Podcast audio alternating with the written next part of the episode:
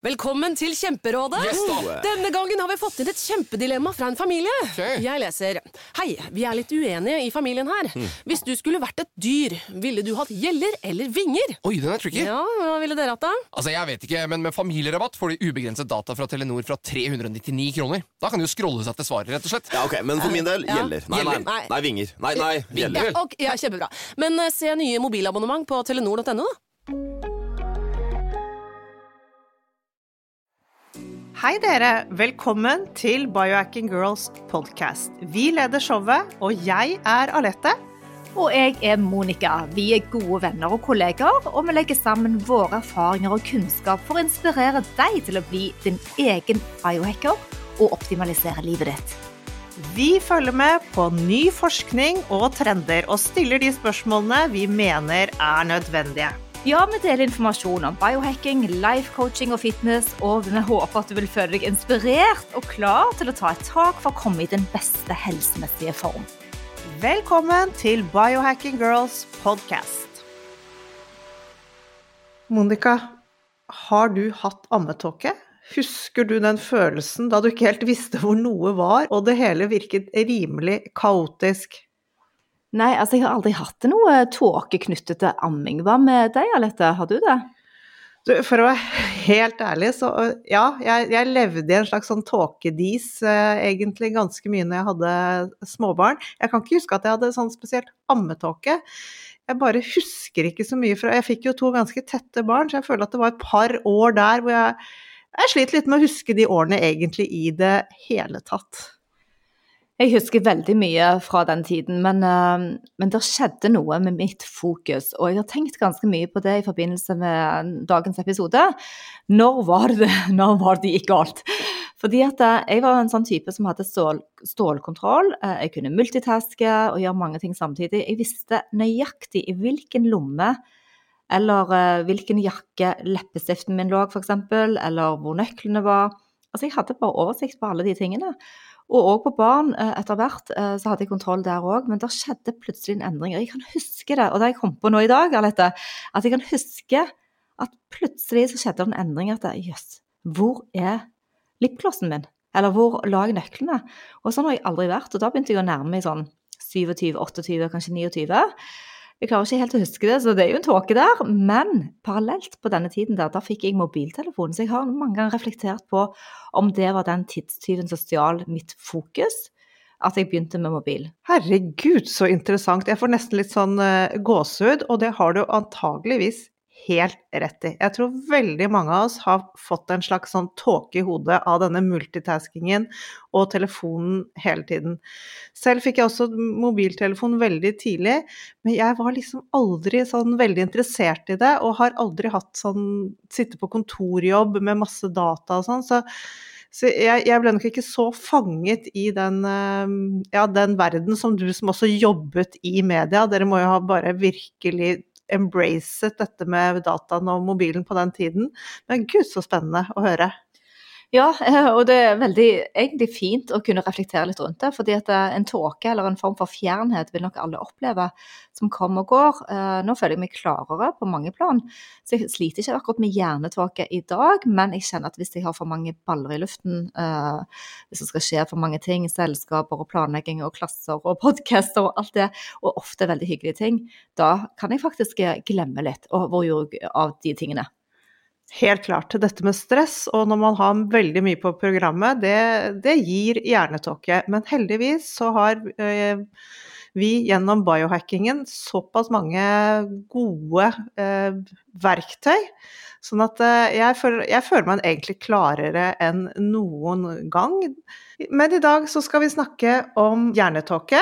I praksis så kan det jo ligne litt på ammetåke. Den delen der hvor man føler seg litt sånn fjern og glems. Men forskjellen er jo at når man er i ammetåke, så er man jo samtidig i en sånn lykkeboble. Og det er ikke det samme som hjernetåke. Definisjonen skal dere få her nå snart, når vi har doktor Sofie Hekseberg som gjest i studio. Hun er aktuell med boken Ut av hjernetåken. Sofie Hekseberg hun har vi hatt på podkasten før. Og vi gleder oss til å snakke med henne igjen. Eh, Hun bruker mat som medisin, hun er kurs- og foredragsholder, og driver Dr. Hekseberg-klinikken sammen med sin mann Erik Hekseberg. Hun har skrevet masse bøker, og hun er også en av grunnleggerne av foreningen Kostreform for bedre helse. Ja, så i dag vi skal tune inn. eh, er boken hennes Ut av hjernetåken med undertittel Få tilbake energien, konsentrasjonen, hukommelsen og humøret. Og vi sier bare vi vil ha alt. Vel- Ja, takk. Ja, velkommen til Biohacking Girls podcast. Kjære Sofie Hekseberg, så hyggelig å ha deg tilbake på podkasten. Og vi er så glade for å lese den nye boken din, Ut av hjernetåken. Du, kan vi ikke bare starte med en gang med å snakke om hva hjernetåke er? Ja, tusen takk for at jeg får komme her tilbake. Det var jo veldig hyggelig. da. Jo, dette med hjernetåke. Vi har veldig mange pasienter som snakker om hjernetåke. De kan også snakke om at de har bomull i hodet, de føler at de har fått Alzheimer. Og, og det, det som de ofte beskriver da, de føler at de har redusert konsentrasjon, redusert hukommelse. De føler at de liksom faller ut av samtaler, de husker ikke avtaler. Masse sånn, og de sier ull i hodet, bomull i hodet.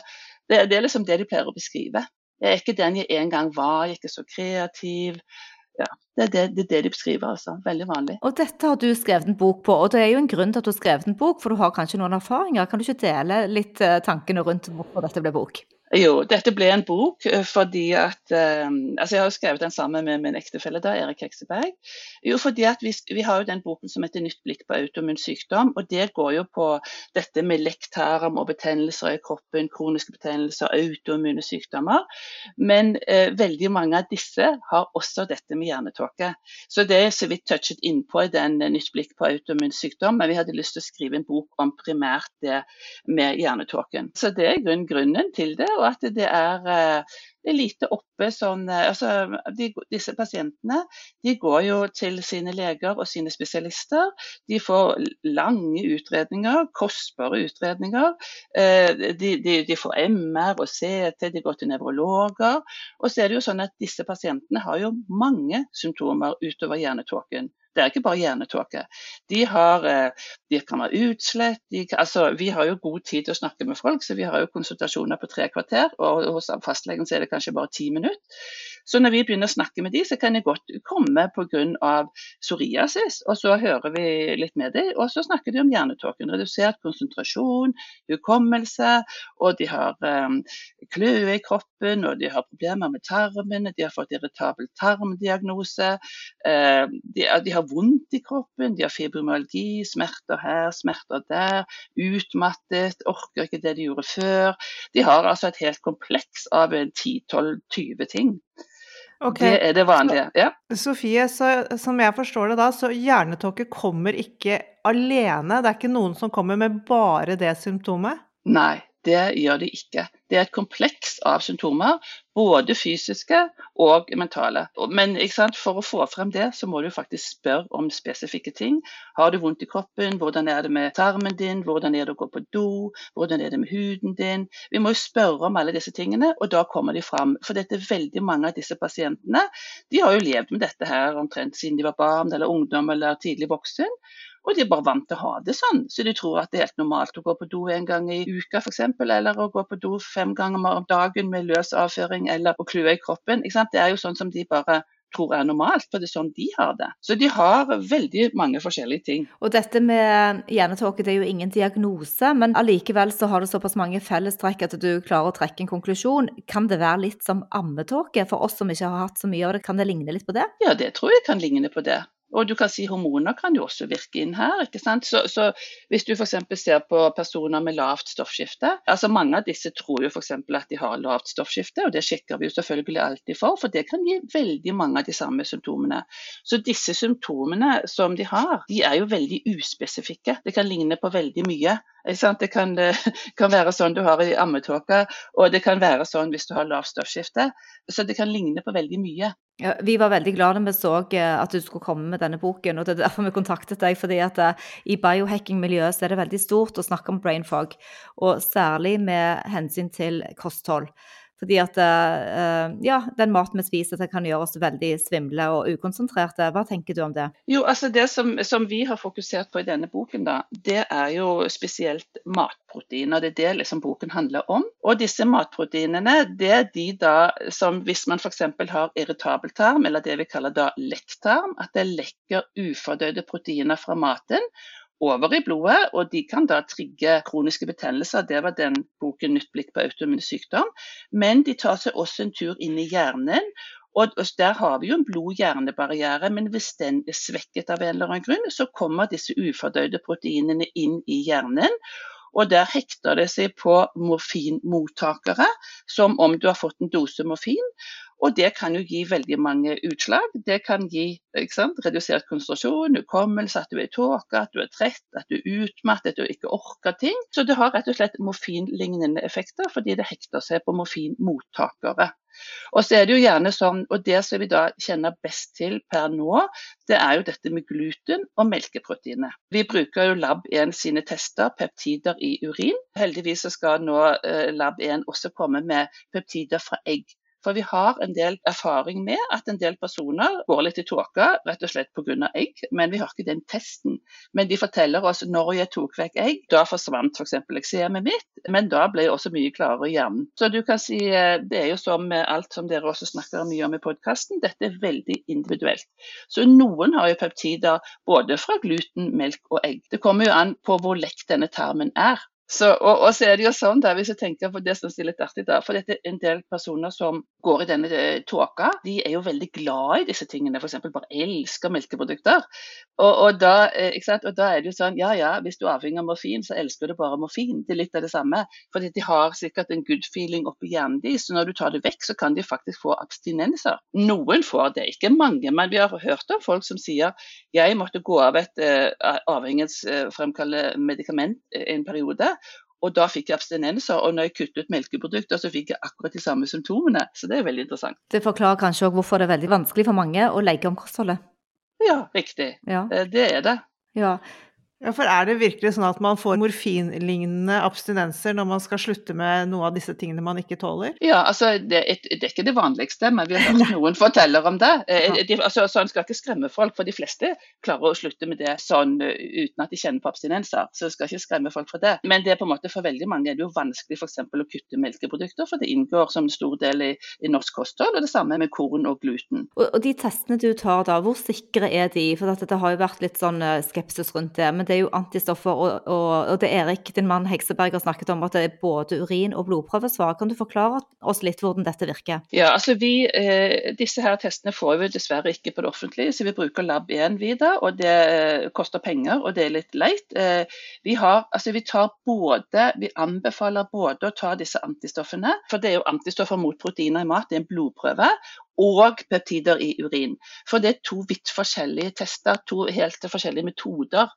Eh, så det er veldig godt samsvar. Som regel for eksempel, så har man masse antistoffer for da mot uh, melkeprotein, og så har man da peptider på melkeprotein påvist i urin. Det er et veldig godt samsvar. Jeg har ikke akkurat eh, nøyaktigheten på det, men hvis du tenker på nøyaktighet på ganske mange andre prøver som vi tar i vanlig norske helsevesen, så er det jo veldig mye usikkerheter der også. Så, så vår erfaring er at det er veldig nyttig informasjon. Og, og, så kan du si det sånn, vi bruker jo alltid pasientens erfaring. Vi må ha kart og terreng. Kartet er blodprøvene, terrenget er jo personen. Så, så, vi spør jo alltid stemmer dette med deg. Er det liksom eh, gluten som er hovedproblemet? Ja, vet du at det stemmer. Ikke sant? Og så, eh, så, så, vi må jo alltid uh, snakke litt med pasienten, hva, hva, hva, og de har jo ofte en intuisjon om hva som er greit og ikke greit. Sant? De kan si at nei, Guriland, jeg kan ikke spise fløte eller, eller risengrynsgrøt, eller det går ikke bra. Eller gluten får kjempevondt i magen, tre boller, da går det i hvert fall ikke bra. Ikke Så de har jo en følelse av hva som er problemet. Dette er litt interessant, fordi jeg, jeg, har hele livet da aldri likt melk og fra ku. Og så har jo jeg da tatt en sånn test ut hos dere på Lab 1, og Erik sier ja. at det er jo ikke rart. Eh, kroppen din har på en måte ikke hatt lyst på det, for du er veldig intolerant mot dette. Riktig. Ja. Ja, Det er helt utrolig. Men hva hvis man da har tatt disse prøvene og man ikke finner antistoffer?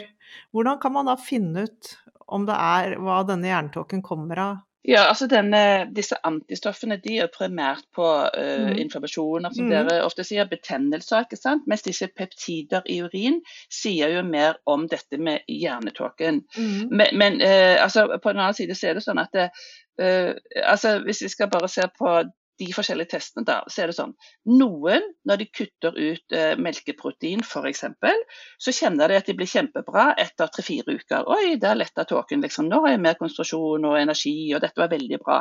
Vil det også da gjelde, gjelde alle disse andre symptomene de også har, eller er det da kun hjernetåken som blir bedre? Nei, da får vi jo hele listen. Så når vi da har det til konsultasjon etter fire uker, så går vi jo inn på det. Eh, eh, ja, hvordan har du det? Og mange kan si ja, ja, det er greit, men liksom ikke noe forskjell. Og så går vi inn på listen, for vi skriver alltid listen. ikke sant? Vi må jo huske, Det er ikke sånn at vi husker alt sammen hva skjedde for en måned siden. Så vi skriver lister på alle symptomene de har. Så sier jeg bare hvordan går det med konsentrasjon, hvordan går det med hukommelse, hvordan er det med magen, hvordan er det med avføringen, hvordan er det med kløen, hvordan er det med vondten i kroppen. Og da forteller de å ja, det, ja, det hadde jeg nesten glemt, ja. Nei gud, det er jo mye bedre. Ikke sant? Så, så vi går jo alltid gjennom listene, for dette de glemmer. Det er akkurat det. Uh, ja, ja. Og så vil jeg bare si akkurat det der med at det, noen blir veldig bra av den hjernetåken bare ved å kutte altså f.eks. melkeproteiner eller gluten liksom etter tre-fire uker. Men så er det noen som ikke blir det. Mm. Og da har vi tenkt med oss selv at det skyldes nok sannsynligvis mer betennelse i hjernen. Akkurat som du har betennelse i huden eller i muskler eller andre steder. Og da tar jo det lengre tid enn å bare bli kvitt disse peptidene. For de skiller du jo fort ut, eh, i hvert fall i løpet av noen uker. Mens en kronisk betennelse blir jo bestående lenger. Derfor kan noen kan det gå et halvt år før noen føler seg helt vel. Ja, for at du snakker om cøliaki i hjernen. Hva betyr dette? Ja, det, det er bare et sånt begrep vi har laget for å gjøre det litt enkelt. For denne boken skulle være litt enkel. Eh, For dette, hvis man er hjernetåker, så kan man ikke lese så veldig tunge, kompliserte bøker. så det var liksom litt av eh, noe Cappelen ønsker seg da. Cappelen Dam som da er forlaget. Eh, nei, altså eh, det er jo sant, eh, Cøliaki, da tenker man jo på tarmen. Da lager man jo eh, antistoffer mot eh, transglutaminase, som er et enzym. Og når dette her eh, transglutaminase er bundet til gluten, så lager du antistoffer mot det komplekset. Det er liksom i tarm. Og hvis du da på en måte fjerner gluten Du lager på en måte ikke antistoffer mot transglutaminase, enzymet, men du lager når det er bundet til gluten. Så hvis du da tar vekk gluten, ja, da er det ikke noe antistoffer, og så blir tarmen bra. Og I prinsippet så er det akkurat det samme i hjernevev, men der heter dette enzymet transglutaminase 6. Så det har vi begynt å måle, og det, da er det på en måte en eh, ikke, sant? ikke betennelse i tarm, men betennelse i hjernen, i nervevev. Så det har vi begynt å måle f.eks. Eh, hos forskjellige personer med det kan være typisk sklerose, eller at det er sånn total fatigue, utmattelse. Så har vi begynt å måle det, og det er jo kjempeinteressant. Og da er det ofte sånn at eh, sant? eh, vi har òg da en følelse av at det selvfølgelig dette kan skyldes gluten, sånn i tarm, men sannsynligvis også andre matproteiner, f.eks. melkeproteiner. Men det er ikke noe vi har noen dokumentasjon for, det er bare en følelse vi har. Hva tenker du om andre matvarer, sånn som nøtter og frø og sånne typiske allergener? Har dette noe å si på hjernetåke? Har du sett noe til det? Nei, det har vi ingen tester på, og det vet vi ikke spesielt. Men det vi vet med det, er at nøtter hos frø hos noen gir jo tarmplager. ikke sant? Og hvis du da får tarmplager, for du vet disse nøttene og frøene de har jo, altså Vi bruker det jo mye lavkarbokosten, for det er tross alt glutenfritt og lavkarbo. ikke sant? Eh, men det er noen som ikke tåler det så bra. De inneholder jo masse antibeitestoffer. De har ikke lyst til å bli spist disse frøene, de har lyst til å falle til jorden og bli en ny plante, egentlig. Sånn at også og så er det sånn, Noen tåler det greit, og noen tåler det ikke greit. Og Hvis det da skader tarmen deres, så lekker det jo proteiner. eh, og Det kan da være gluten og melk eller egg, og det kan godt være at det er proteiner fra nøtter og frø, men det vet jeg ikke. Eh, Det er jo ikke noe forskning som kan si noe om det. Altså Vi er jo hele tiden opptatt av når tarmen fungerer bra, så fungerer veldig mye bra. Så det er noe med, sant? Derfor har jo veldig mange av disse et tarmproblem. Men ikke alle. Fordi du vet, eh, så, eh, bare tenk, Mange har tarmproblem, tarmproblem, lekktarm, lekker gjennom ufordøyde proteiner. Men tenk at du har disse morfinstoffene.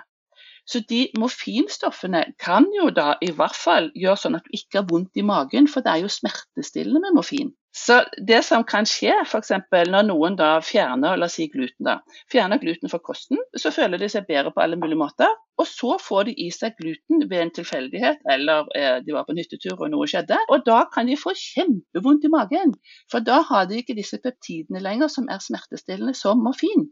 Og da kjente de det skikkelig at det ble vondt. Så, så, du kan si, tenk at vi går rundt sånn som vi Hvis du lever et helt vanlig liv med den vanlige kosten og det vi har, så er det veldig mye støy. Men når du tar noe vekk, f.eks.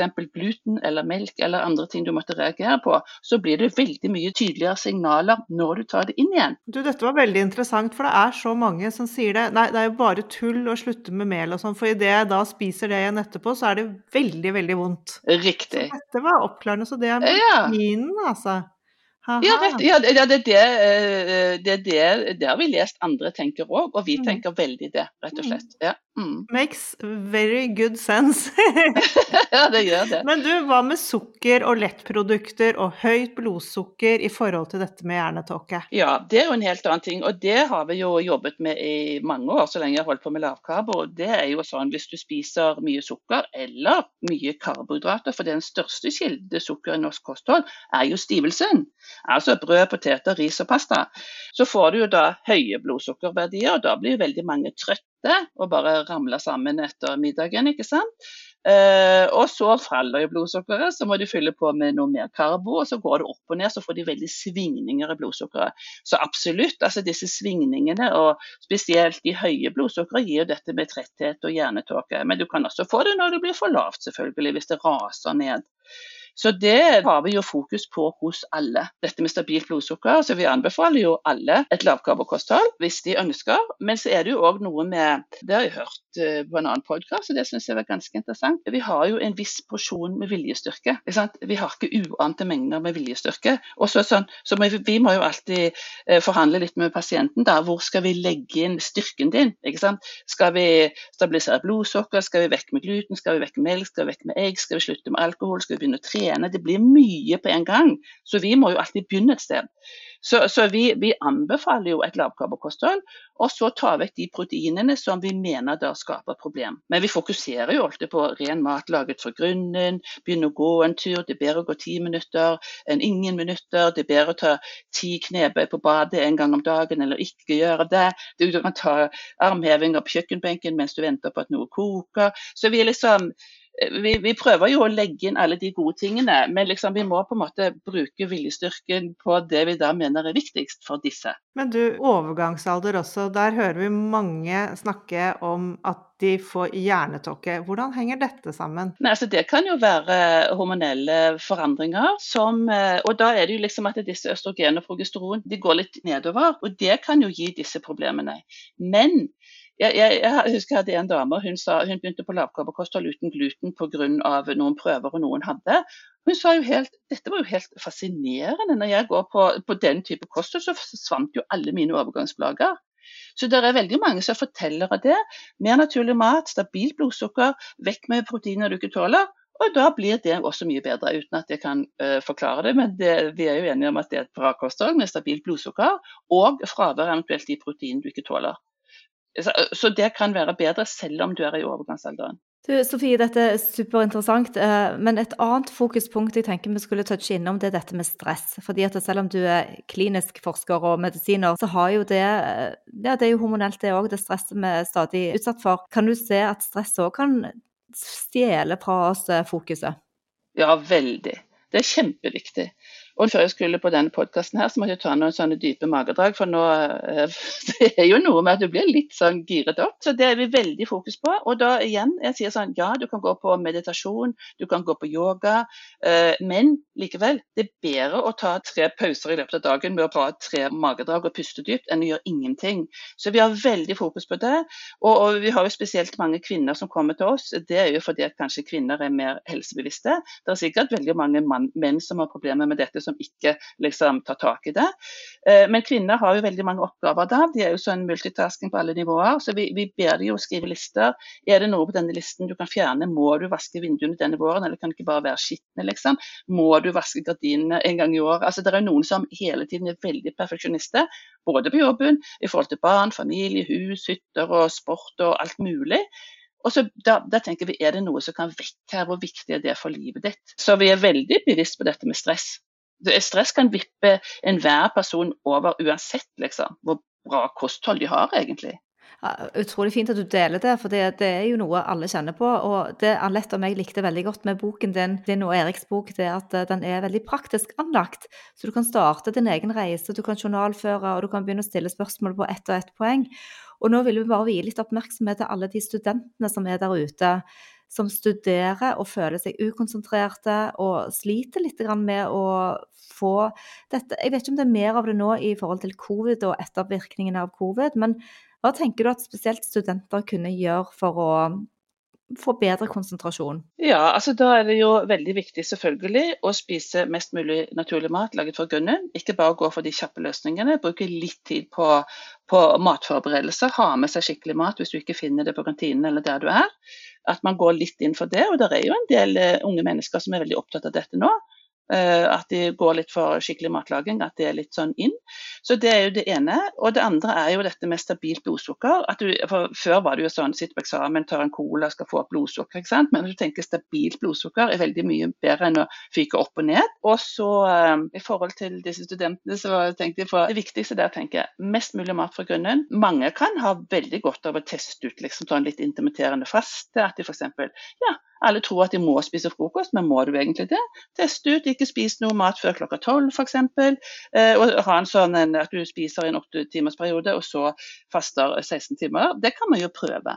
Og hvis man føler at man ikke tåler melkeprodukter eller gluten, eller har litt problemer med det, så vil de rett og slett teste det ut. Har man disse peptidene, så er det kjempeeffektivt å få det vekk. Du får bedre konsentrasjon, bedre hukommelse.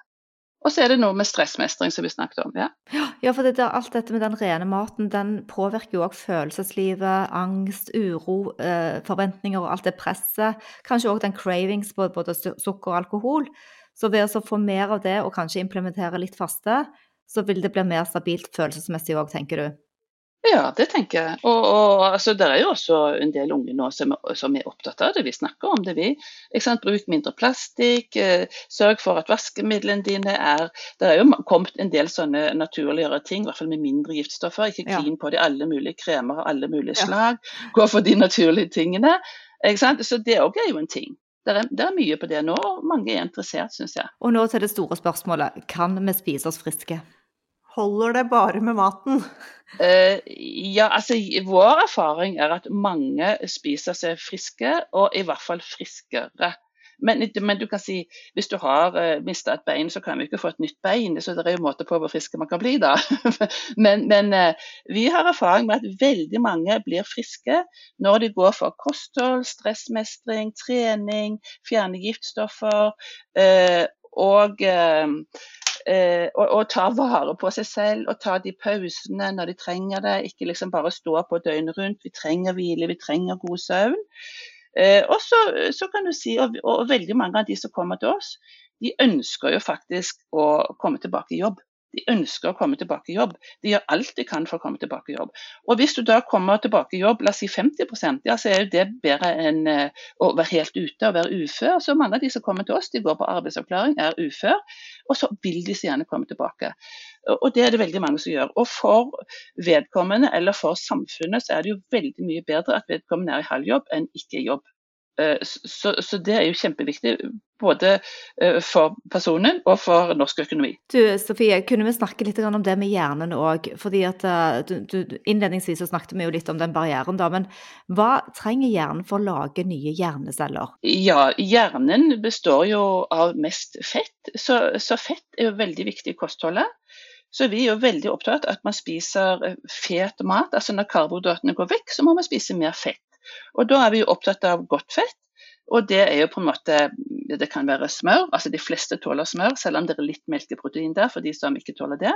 Eller man kan jo lage gi eller klare smør. Så på en måte smør, fett kjøtt, fet fisk, olivenolje og eventuelt da nøtter og frø hvis man tåler det. Avokado. Så fett er kjempeviktig. Kolesterol er veldig viktig. Eh, hvis man spiser vegankost og ikke får i seg kolesterol i det hele tatt, for det at kolesterol er jo i eh, animalsk mat, så vil leveren lage kolesterol tilsvarende 8-10 egg per dag. og Da er det jo mye bedre å spise egg hvis man tåler det. og Da er det jo spesielt eggeplommen som inneholder det. Så, eh, så, vi er jo veldig opptatt av at han får godt med næring. Også, også, og Da er det rett og slett fett. og I den maten så får du også nok protein. Og så får man spise de grønnsakene man vil ha for å få litt vitaminer og mineraler, og det man måtte tåle av det. Og selvfølgelig bær og litt nøtter og frø hvis man tåler det. Det dekker, og Hvis man spiser innmat, så er jo det suverent. ikke sant? Jeg liker ikke lever, men jeg har kjøpt meg noen leverkapsler. og det, det som heter ren styrke. Det er forskjellige varianter på det. da. Men eh, lever er jo veldig bra og næringsrik mat. Og Hvis ikke så kan vi supplere litt B-vitamin er f.eks. veldig viktig for hjernen. Mm. Og mer på denne hjerneforskningen. Hvor stor del tror du er knyttet til kostholdet vårt av det som skjer i hjernen? Eh, ja, av disse tingene som vi snakker om ja. her. Når det gjelder hjerneforskning? Eh, det, det er jo ikke noe forskning, veldig lite forskning på det. Veldig lite forskning. veldig lite forskning på det. Så det som jeg snakker om nå, er jo mine og Eriks eh, kliniske erfaringer. Ja. Så det er veldig lite forskning på det. Ikke sant? Ja. Ja dessverre. Jeg håper Men, det kommer. For det, mm. Hvordan kan vi vite da hvilke signalstoffer vi trenger mer eller mindre av disse nevrotransmitterne? Ja, man kan jo eh, altså Når det gjelder sånn vitaminer og mineraler, så tester jo vi det vi kan teste. Da bruker vi bare vanlige prøver som vi får på vanlige norske sykehus. Man kan jo ta utvidede tester, selvfølgelig, men vi, vi tar jo også litt hensyn til pasientenes økonomi. Sånn at vi tar de testene vi føler de har, det er viktigst, og det som de vil vil og det som de har råd til. Men du kan si, eh, hvis vi måler vitaminer og mineraler, så vil jo vi gjerne at pasientene ligger i øvre sjiktet og ikke i nedre sjiktet. For disse referansene for vitaminer og mineraler er veldig brede. Det er som en låvedør, på en måte. Så, så, du kan si hvis fastlegen tar de, så får du liksom ikke noe markering på det, med mindre du får en stjerne på eller et avvik, og da er du liksom skikkelig utafor. Så vi vil helst ligge i toppsjiktet på det. Og det er veldig bra. Men eh, nå har vi snakket mye om kosthold i forhold til hjernetåke, men det er jo flere elementer her, sånn som søvn, leddsmerter, sånne ting. Er ikke det også en ganske stor del av Jeg merker i hvert fall at jeg har litt problemer med hodet hvis jeg har sovet dårlig mange av deres podkaster har blitt veldig inspirert, så nå har jeg bestilt meg en sånn Garmin-klokke som skal måle Bra. Ja, ja, ja, både søvn og hjertepuls, variabilitet osv. Så, videre, og sånn, så det er veldig viktig. Det snakker vi mye om. Men ikke sant, der også, hvis du tenker sånn, eh, det er faktisk mange, både barn og voksne, som sover kjempedårlig, og så kutter de ut altså Vi har spesielt erfaring med melkeprotein, da. Så kutter de ut det, og så sover de kjempegodt. Så det kan også virke inn på det. Så det med søvnen er kjempeviktig. Eh, du kan liksom ikke restituere og bli frisk og regenerere i kroppen din etter dagens kjas eh, og mas uten å sove skikkelig godt. Så det er veldig viktig. Og der er jo også dette med alkohol veldig viktig. Eh, jeg merker jo selv det, altså, det skal ikke så mange glass vin til før jeg føler at jeg altså, våkner midt på natten og begynner å tenke og ikke får sove. Det blir dårlig kvalitet på søvnen. Så vi er veldig opptatt av søvn. Vi er veldig opptatt av alle de tingene dere er opptatt av, egentlig. Eh, Men som sagt, det er jo noe med hvor mye skal du eh, få en pasient til å gjøre? Vi må begynne med de viktigste tingene. Men søvn er essensielt, stressmestring er viktig. Mm, selvsagt. Man, ja. må, man, må, jo legge en plan. Man kan ja. ikke overvelme. Man må starte med én ting av gangen. Det er kjempeviktig for, for å lykkes. Og, og, kosthold er jo noe av det letteste kanskje sånn å starte med, i forhold til det er ganske konkret. Det er veldig konkret. Så vi har jo fokus på det. Vi, det er det som er vårt hovedfokus, og det er det som er hovedfokus i denne boken. Men så har vi nevnt alle de andre tingene som også kan ha betydning. Og det som, eh, som jeg bare har lyst til å nevne, der er jo um, Altså, vi hørte på radioen her uh, tidligere år, og da ble vi litt overrasket. Det er noe som heter MUPS i, i, ja, blant legene. MUPS, MUPS. Og det står for medisinsk uforklarlige symptomer og plager. Og det det er noe allmennlegene kaller for MUPS. Og det utgjør en halv million konsultasjoner i året. Og det er jo, når jeg tenker på det, det er jo disse her med vondt i muskler og ledd. De har kronisk utmattelse, de har irritabel tarm, de har hodepine, smerter, de er svimle, de har tinnitus og nedstemthet og hjernetåke. Og da tenker jeg ja, Dr. Heksebergs klinikk er faktisk en MUPS-klinikk, for det er våre pasienter. Men det men, Men det kaller, eh, det kaller fastlegene for eh, søppeldiagnoser. Det har vi både hørt og sett skriftlig. Ser du at eh, vi blir stadig syk sykere? Ja, altså vi blir jo sykere, men det er jo ikke infeksjoner som, eh, som skader oss. Det er jo livsstilen. Det er maten, masse junkfood, masse prosessert mat, masse stress. Eh, Jeg hadde en pasient her forleden dag, hun sa jeg tror egentlig jeg skulle levd i forrige århundre oppe på setra og hoia litt på kyrne og jobba der. Det var jo et slitsomt arbeid det, men det var jo liksom mindre stress, mindre stråling. Det var ikke liksom alt dette mobiltelefoner hele tiden. Du er ute i naturen, du får alle de gode tingene inn. Så eh, ja. Eh, Det er veldig interessant, for det at i innledningen vår så snakket eh, vi litt om dette med å føle seg fjern og når det oppstår. Og da klarte jeg Jeg har tenkt veldig mye på det etter jeg leste boken din, Sofie. Og da har jeg klart å tenke meg tilbake til det året jeg fikk mobiltelefon. Da skjedde det en endring. ja. Fordi at eh, Ja, jeg, jeg måtte liksom jeg, Plutselig var kalenderen der, eller jeg vet ikke hvor tidlig. Men jeg kjente at jeg mistet litt oversikt på hvor tingene mine var. Sånne dumme ting som at leppestiften lå akkurat i den vesken. Plutselig så bare ble det mer svevende. Tror du at, eh, alt, at det òg har noe å si? Ja, det tror jeg har noe å si. Og spesielt det, spesielt, altså det kan, Noen er jo påvirket av denne strålingen, da. Men spesielt det at det ikke er et eneste eh, rolig moment. Jeg tenker på min far når han gikk på jobben. Så gikk han, hadde fredelig frokost, gikk ned til bussholdeplassen, alltid god tid. Der sto han et kvarter og så på fugler og vær og vind og hva det var for noe. Satte på bussen, så ut. Bare var. Men nå sitter jo folk med telefoner og duppeditter og, og mobiltelefoner og tekster og sånn hele bussturen mens de står på bussholdeplassen, mens de går til jobben. Det er ikke noe frirom lenger. Så det det å, å på en måte se litt på naturen, se på fjellet, eh, kjenne, høre på fossen, altså disse naturlige tingene, de gjør jo utrolig mye med oss. Det har jo dere snakket om, gå i sanden, bade, altså disse gode tingene, være ute. Det er kjempeviktig. Og det er en reminder. eh, Det er jo en av de store velværetrendene for eh, 2023 òg, er å være mer ute i naturen og legge fra seg. Så er helt klart at eh, du står i kø og venter. I de to-tre minuttene så kan du kanskje sende fire tekstmeldinger og svare på to mailer mens du venter. Så du får Ja. gjort så veldig mye på kort tid, og vi tror vi er effektive. Men hva er resultatet? Ja, nei, så Mange kollapser jo. Vi har mange pasienter som rett og slett kollapser helt. Mm. Du, um, dette med hjernetåke, kan den noen gang bli kronisk? Og hva er i så fall verste utfallet? Jeg tenker på sånne sykdommer som Alzheimer, eller kan, kan det bli en kronisk tilstand? Ja, det kan det jo. Altså, eh, vi har jo skrevet en, i boken om en ung dame som eh, altså Hun hadde dette med ME, sånn kronisk utmattelse. Og så kutter hun da eh, gluten som hun reagerte på, så ble hun kjempefrisk. Men så ble hun syk igjen. Men hun måtte kutte alt som heter korn, altså klassiske kornslag. Så ble hun frisk. Så, så det var en ene historie. Men når det gjelder dette med Alzheimer og demens, og sånn, så er det jo veldig mange som sier det føles som om jeg har demens, eller det føles som om at jeg har Alzheimer light. Og det har jo dette med sant? Du kan si at det er både gluten og melkeprotein eller andre proteiner som ikke skulle være oppi der, det kan jo gi en inflammasjon. Og disse sykdommene har jo en komponent som inflammasjon. All, nesten alle sykdommer har det. Så det med betennelse, det er jo én ting. Og dette med sukker. ikke sant? Alzheimer kalles jo også diabetes type 3. For sukker er jo ikke noe bra for hjernen. Det kan skade hjernen. Og det er jo derfor en del personer som har Alzheimer, får det egentlig veldig bra på ketogenkost. For da får de ketonlegemer som energi, for det med sukker fungerer dårlig. Tenk deg da hvis flere nå, jeg håper at mange leser boken din, tok fatt på dette litt tidlig. For Ja. å kanskje slippe å se konsekvensen som kommer om 20-30 år. Ja, og det er det jo en del som begynner å tenke seg litt om.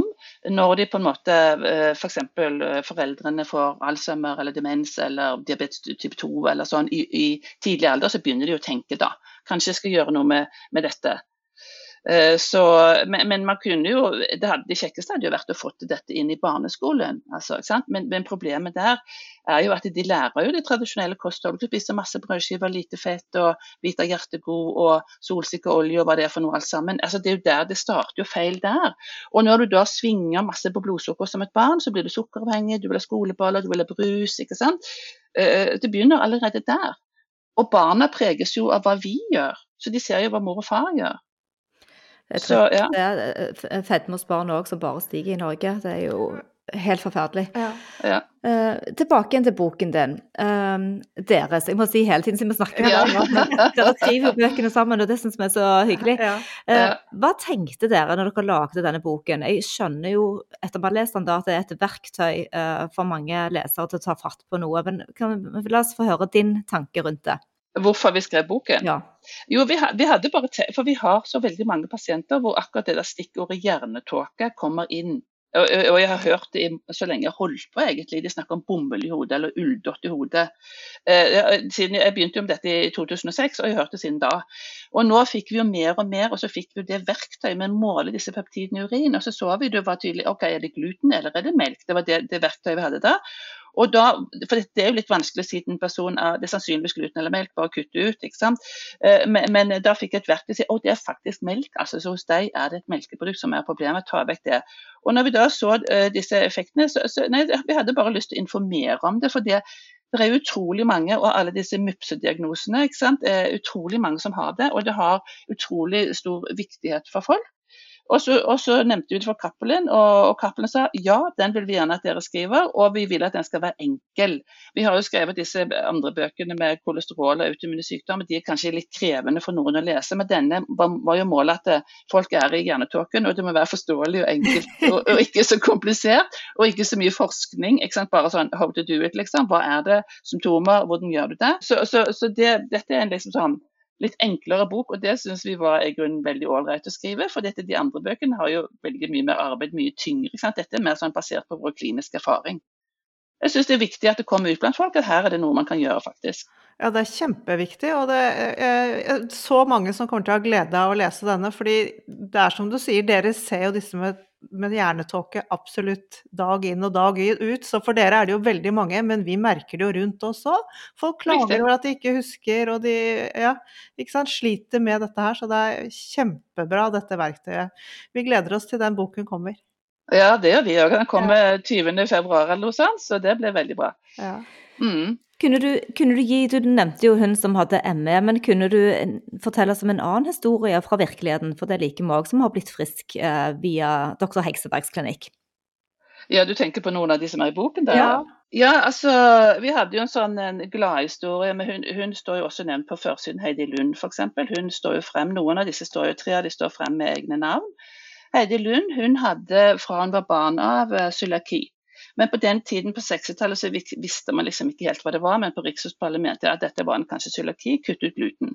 Og da, da kalte de det faktisk for banansyke av en eller annen grunn, men det var vel at du, bananer var OK å spise sant, istedenfor gluten og brød og sånn.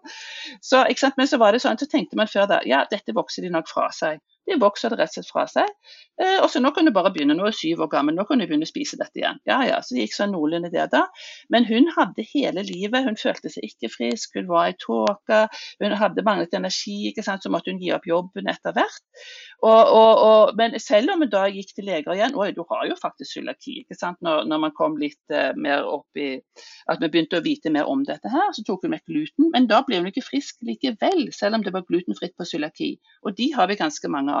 Og så tar vi tester, og så viser det at hun har kjempeutslag på melk. Og hun lå jo flatt i sengen sin med nedtrukne gardiner, og, og hadde hjemmesykepleier innom som alltid satte en yoghurt på benken, for det var liksom greit. Så hadde hun yoghurt og frukt, var det omtrent hun levde på.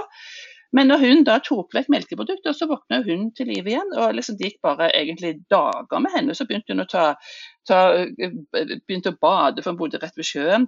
Og hun begynte til og med å ta små jobber igjen på barnehagen som hun, som hun elsket å jobbe i. Ennå hun var da rundt 60. Så, så det var bare helt fantastisk. At man tenker på at selv om du har cøliaki eller problemer med, med, med gluten, så kan du faktisk ha problemer med melkeprodukter også. Eh, Så hun har, føler hun har fått livet tilbake. til Før så var hun liksom hjelpetrengende, nå hjelper hun gamle foreldre og barn og barnebarn selv. Nettopp. Og det er sånne Ja. historier som inspirerer så mange til å faktisk ta det lille skrittet og ta fatt på. det. Ja, vi, Trenger, vi trenger å høre de gode historiene. Det gjør Ja. vi. Ja. Og det som vi har i boken, det er jo bare et lite utvalg. Vi har veldig mange, jeg har ikke oversikt over mange, men vi har veldig mange. Det var derfor vi ville skrive. ja. Ja. Interessant å lese. ja. Tusen takk for at dere har skrevet den boken. takk, takk. Ja, det er kjempebra. Føler du at det er noe mer du ville si som eh, vi ikke fikk med oss eh, i forhold til boken? Eh, nei, jeg tror vi vel har dekket det viktigste. Jeg vil bare anbefale, altså hvis noen føler at de har problemer med dette, så er det å ta de prøvene, kanskje. Men man kan jo også starte med f.eks. et lavkarbokosthold, for et lavkarbokosthold er jo glutenfritt. Så, så, bare det å gå på et lavkarbo og glutenfritt kosthold er jo stabilt blodsukker, du fjerner gluten. Så jeg tenker på når jeg startet opp med dette i 2006, så var det utrolig mange som ble så bra. Så jeg tenkte hva var det med deg? Stabilt blodsukker var jo én ting, men en annen ting var jo faktisk fravær av gluten. Både når det gjelder betennelser og dette med bomull i hodet. Men så er det da noen som har andre problemer, f.eks. melkeprodukter og egg, som kan være problemet da. Så Nei, men nei, må bare lese boken. og Hvis man føler for at dette vil jeg teste, så er det jo bare å kontakte oss eller Lab1 da, som har disse testene. Eh, så får man se, se hva som skjer. så Vi skal legge under all informasjon og hvordan de kan gå inn på den mailen timebestilling og sånn, og få bestilt time.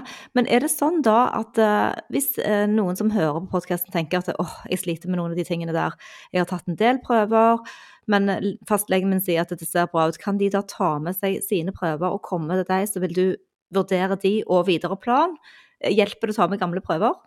Ja, absolutt. Fordi de, veldig mange har jo tatt prøver hos legen, men det er jo på en måte de har jo tatt kanskje litt vitaminer, mineraler og litt forskjellige ting som vi kan bruke, men vi rekvirerer jo også ofte litt nye prøver på det. da. Hvis vi først skal ta noen blodprøver, så tar vi nye sånne litt sånn generelle prøver. Og så anbefaler vi da skal vi ta da matintoleransetest, skal vi ta peptidarin, skal vi måle transglutaminase 6. ikke sant? Så vi gjør jo en anbefaling da i forhold til hva pasienten ønsker, og hva de har råd til, og hva vi føler at de trenger. Mm. Ja. Flott. Og siden vi er biohackere, så syns vi jo alltid testing er interessant. Er det noen spesifikke prøver du alltid tester når du mistenker hjernetåke? Altså alt fra homocystin, B12, folat, altså de tingene som går ja, ja vi, vi, tar alltid alt det vi kan ta på vitaminer og mineraler på Fyrst laboratorium eller et annet laboratorium. Og det er det fleste, egentlig, som vi kan ta. Uh, og så, ja, og akkurat Når det gjelder hjernetåke, så er jo på en måte da peptider i urin viktigere enn den antistofftesten som er blod. For det er jo det som er hovedfokuset der.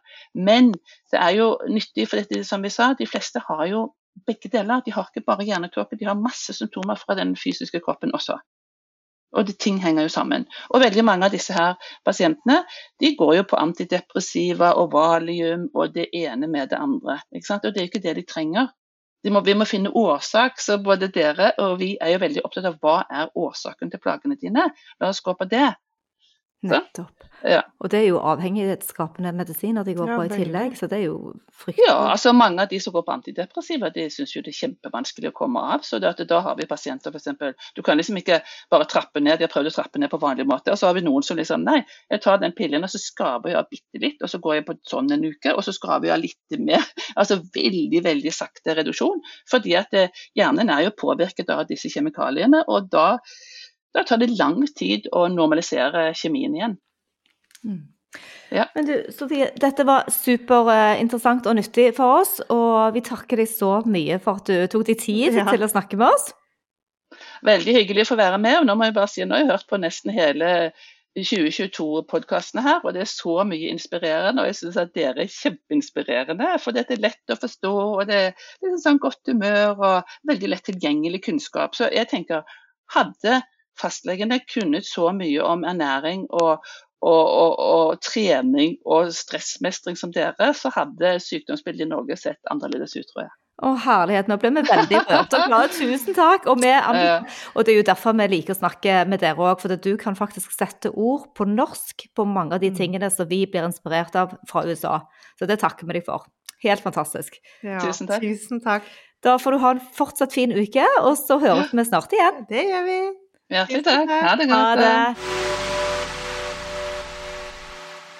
Da har vi snakket nok en gang med Sofie Hekseberg. Vi har en episode tidligere med henne, og vi har flere med Erik Hekseberg.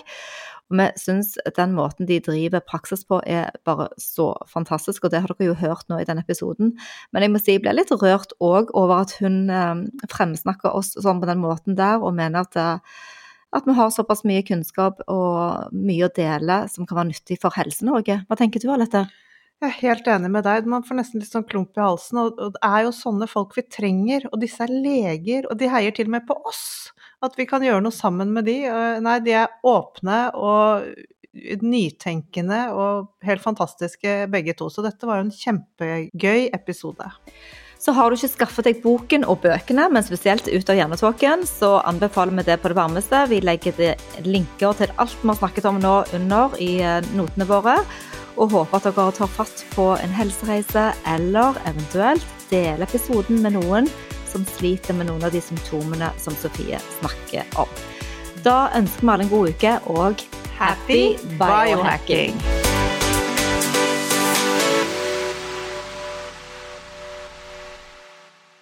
Vi minner om at dere må snakke med egen lege eller kostholdsveileder om dietter og andre spørsmål relatert til medisiner og supplementer. Informasjon vi deler, kan ikke bli brukt til å diagnostisere, behandle, forebygge eller kurere noen sykdommer eller tilstander.